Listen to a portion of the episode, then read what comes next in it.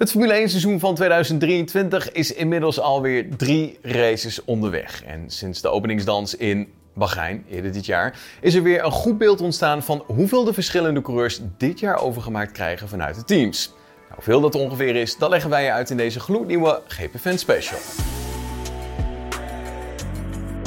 De Formule 1 kent sinds het seizoen van 2021 een budgetplafond. En dat betekent dat de teams maximaal een bedrag uit mogen geven aan de ontwikkeling van de auto's. Maar de salaris van de coureurs die vallen hier niet onder. Wat betekent dat een aantal van de coureurs, met name in de top van het veld, nog altijd tot de best betaalde sporters ter wereld behoren. Het is echt te lastig om vast te stellen hoeveel een coureur nou precies verdient vanuit zijn team. Zo zijn bijvoorbeeld vaak bonussen en contracten opgenomen, waardoor een coureur bij bepaalde prestaties een extra zak geld krijgt.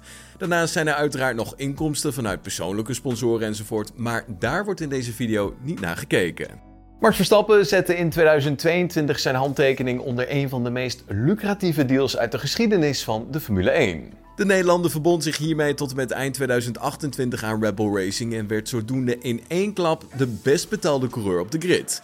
Deze eretitel stond jarenlang op naam van Lewis Hamilton, maar ook de Mercedes-coureur doet nog altijd uitstekende zaken met een salaris van, naar verluid, 37 miljoen dollar per jaar. Het salaris van Verstappen werd na het tekenen van het contract eerst op 41 miljoen dollar geschat, maar sindsdien zijn er meerdere rapporten geweest die lijken te laten zien dat het salaris van de Limburger op 50 miljoen dollar per jaar ligt. Wat in ieder geval met zekerheid is te zeggen is dat Verstappen en Hamilton bij uitstek de best betaalde coureurs op de grid zijn.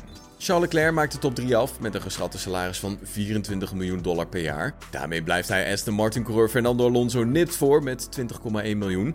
Gevolgd door Lando Norris in de McLaren met 20 miljoen dollar per seizoen. Na deze Big Five kunnen we het wel noemen, is het ineens een stuk minder, al blijft het stuk voor stuk natuurlijk astronomische bedragen. Carlos Sainz krijgt 12 miljoen dollar per seizoen overgemaakt vanuit Ferrari, gevolgd door Red Bull Racing coureur Sergio Perez en Valtteri Bottas. Beide verdienen ze namelijk 10 miljoen dollar. George Russell, coureur bij Mercedes, staat op dit moment op 8 miljoen dollar en Esteban Ocon, coureur bij Alpine, op 6.